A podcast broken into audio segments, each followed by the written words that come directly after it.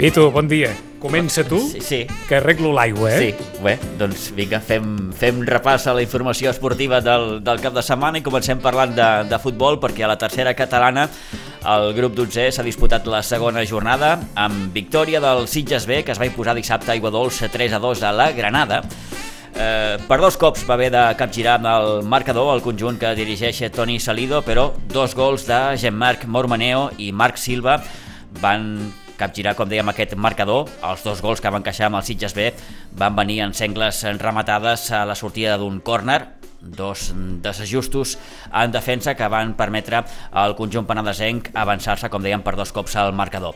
Al final, aquesta victòria per eh, 3 a 2 i les valoracions que feia el tècnic eh, Toni Salido en acabar, aquestes. Bueno, sabíamos que era un partido complicado porque la Granada es un equipo muy sentado de la categoría, con, con Gago, tiene varios, varios ya veteranos de la categoría, sabíamos que no iba a costar. Al final teníamos que tener en cuenta los balones parados porque no, nos cuesta defenderlos y, y es una tarea pendiente que tenemos. Y ahí es donde creo que hemos sufrido, sobre todo en balones parados, pero al final el equipo en todos los sentidos eh, ha estado muy concentrado, muy, muy bien puesto, ha intentado jugar cuando ha podido y, y al final hemos metido uno más que ellos y nos hemos llevado los, los tres puntos. A favor de l'equip és que ha sabut capgirar els dos gols en contra eh, i en contra una miqueta aquests desajustos no? amb els gols d'ells. Bueno, sí, eh, lo mismo que pasó en Vilano del Camí, nos cuesta mucho entrar, eh, sobre todo los 10 primeros minutos de, cada inicio de, partido, tanto en la primera como en la segunda parte no- nos cuesta conectarnos. Y ahí es donde no- nos suelen hacer daño. Eh, sí que es verdad que a, balones, a balón parado tenemos es una faceta que tenemos que mejorar y, eso es lo que haremos, pero bueno, en líneas generales contento con el equipo, hemos hecho el punto bueno de Vilano del Camí, lo hemos hecho bueno hoy y lo único que nos toca hacer es seguir trabajando para que siga creciendo este equipo porque al final es un equipo joven, un equipo recién hecho, prácticamente eh, es un grupo nuevo y, y hay mucho trabajo por delante, pero la actitud de los jugadores es incondicional. Ara ho deies, és, és un equip molt jove, però, però un equip que ha anat evolucionant, no? De- D'aquell primer partit a Calafell que deies fins a dia d'avui, com a mínim l'equip ha seguit una evolució. Sí, sí, los chavales están entrenando muy bien y la verdad que, que están intentando, estamos cogiendo la- las cosas que le intentamos inculcar eh, y las- la, la verdad que lo están cogiendo bastante bien, pero lo que te digo, eh, tenemos que trabajar, sé que, que este equipo irá de, de menos a más porque, porque hay chavales con muchas condiciones que, en, breve, en breve seguramente estarán con el primer equipo porque, porque tienen mucha calidad. Jugar, Toni? La nuestra es ir partido a T'ho pregunto diferent, quin paper ha de tenir l'equip aquesta temporada? Bueno, el papel es muy sencillo. El papel lo primero que tiene que hacer es, es hacerse un equipo. De momento somos un grupo y tenemos que hacernos un equipo serio, sólido y sobre todo defensivamente eh, no encajar los goles que, que- que nos encajan porque al final hemos ido desde la pretemporada hasta hoy en la misma línea y lo primero que tiene que hacer es hacernos un equipo fuerte, eh, muy metido y sobre todo defensivamente, digo. Clar, parlar de classificació no té cap mena de sentit, però l'equip estarà que mitja taula amunt, Bueno, yo espero de mi equipo ahora mismo tampoco espero clasificaciones. Eh, lo único que espero es que, que sobre todo que compitamos cada partido, que no que si nos tienen que ganar que nos ganen, pero que, que- que sea difícil. Hoy podíamos haber perdido, podíamos haber empatado, pero pero al final la Granada ha tenido que correr aquí en Aiguadols y, eso es lo que lo que vamos a pretender, ¿no? Que los equipos que nos quieran ganar que, que se lo tengan que, que trabajar también. No, no regalarle los goles que, que tenemos la faceta esa pendiente. Et faig les dues últimes. Què tal? Com et trobes? Com has passat aquests primers mesos aquí a la Unió Esportiva Sitges? Bueno, bien, eh, cómodo, eh, venimos, entrenamos, eh, tenemos la- las facilidades de- del club y, ahí, al final eh, estamos bien. O sea, venimos a trabajar, a intentar sacar el mayor rendimiento de estos chavales que creemos que, que- que tienen, tienen potencial para sacarle y lo intentaremos hacer. eh, con- como siempre, con ilusión, con ganas, somos, tanto Sergio como yo intentamos ser ganadores natos y, y los que queremos es que compitan y, y que den el máximo de ellos. I dissabte, a les cabanyes, una altra guerra. Bueno, otro, otro equipo de, de, de la tercera, que, que, sabemos que es un campo muy, muy complicado, allí es muy difícil ganar, allí aunque tengas un buen equipo, siempre el campo de las cabañas es muy difícil ganar.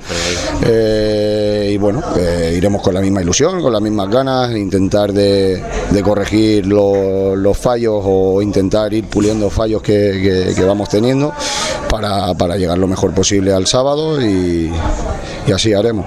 Toni, gràcies i sort aquesta temporada. Muchas gracias.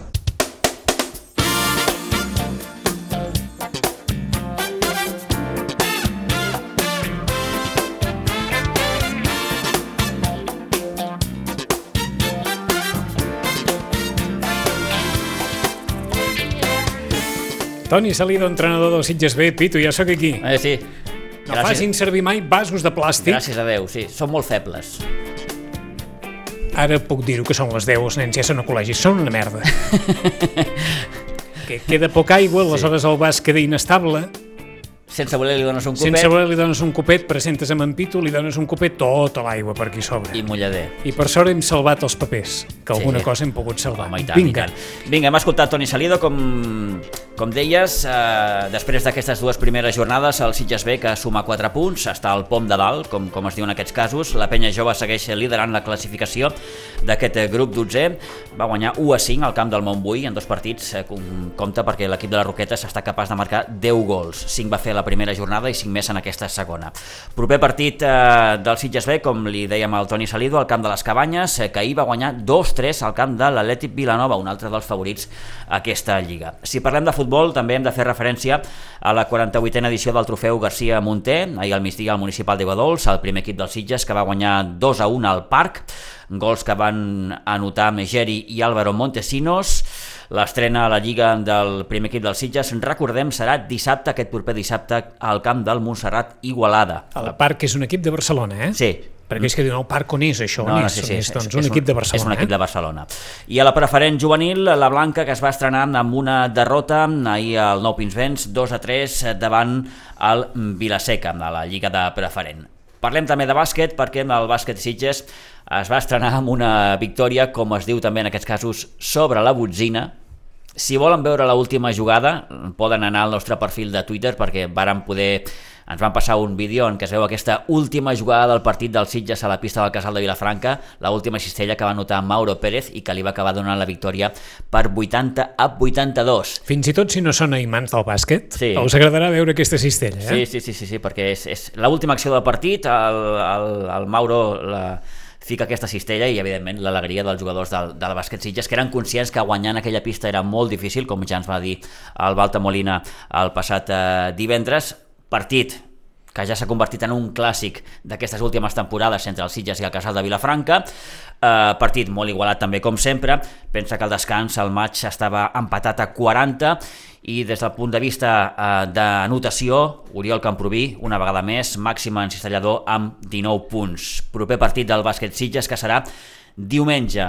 Compte perquè ja no jugarà dissabte, sinó diumenges almenys durant els mesos que durin aquestes obres al pavelló de, de Pinsbens. Saben que ara els partits s'hauran de jugar amb el pavelló antic, el pavelló 1, com se li anomena. Aquestes obres que li agraden tant en Balta. Sí, que li agraden tant, ja. evidentment. Doncs el partit diumenge a dos quarts de set de la tarda contra el Reus Ploms. Uh, el sènior B que va guanyar amb el seu partit 59 a 43 davant el Sant Sadurní no va tenir la mateixa sort el sènior femení que va perdre 54 a 47 a la pista del Xamba de Vilafranca.